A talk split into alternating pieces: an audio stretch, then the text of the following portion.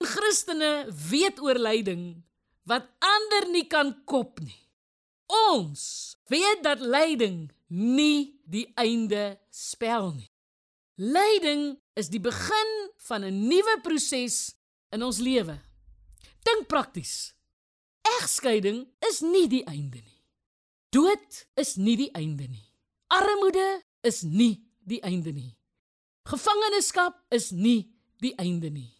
Oorlog is nie die einde nie. Die duiwel sal jou dinge probeer wysmaak. Jou egskeiding, die dood van jou kind of die verlies van jou werk, dat dit die einde van alles is. Dit is nie so nie. Gelowiges weet, dit is die eerste stap in 'n nuwe proses wat in ons lewe begin. Dit is die aanbreek van 'n nuwe dag in jou lewe. En Paulus verduidelik die stappe: swaar kry, bewerk volharding. Mense wat ly, leer om vas te staan en vol te hou. Daarom bring volharding egtheid in ons geloof. Mense wat geleer vas staan het, se karakter verander. Hulle is geduldig, hulle is rein en hulle is sterk. Sulke mense weet die smeltoond van lyding is nie die einde nie. Dis juis die begin van 'n proses waardeur God ons reinig en in suiwer goud omskep.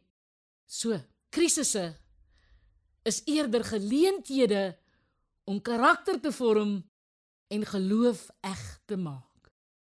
Dit is ons toerusting om lyding te kan kop en hanteer.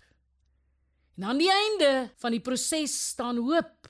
En die hoop sal ons nie beskaam nie. Want hoop fluister van 'n nuwe verhouding vir die eensame. Daar is vrede vir die wat ontstel is. Daar is krag vir swakkes. Gesondheid vir siekes en lewe vir sterwendes. Hoop bring voorsiening vir behoeftiges, voedsel vir die hongeriges en 'n tuiste vir die swerwer. Daarin lê vryheid vir slawe, bevryding vir gevangenes, verligting vir mishandeldes, rus vir bemoeides en 'n vriend vir die eensame. Hoop verander alles. Dit is die sleutel wat die deur na die toekoms toe oopsluit. Al sien ons nog nie so ver nie. Lyding is nie die einde nie. Ons is eintlik verheug in ons swaar kry.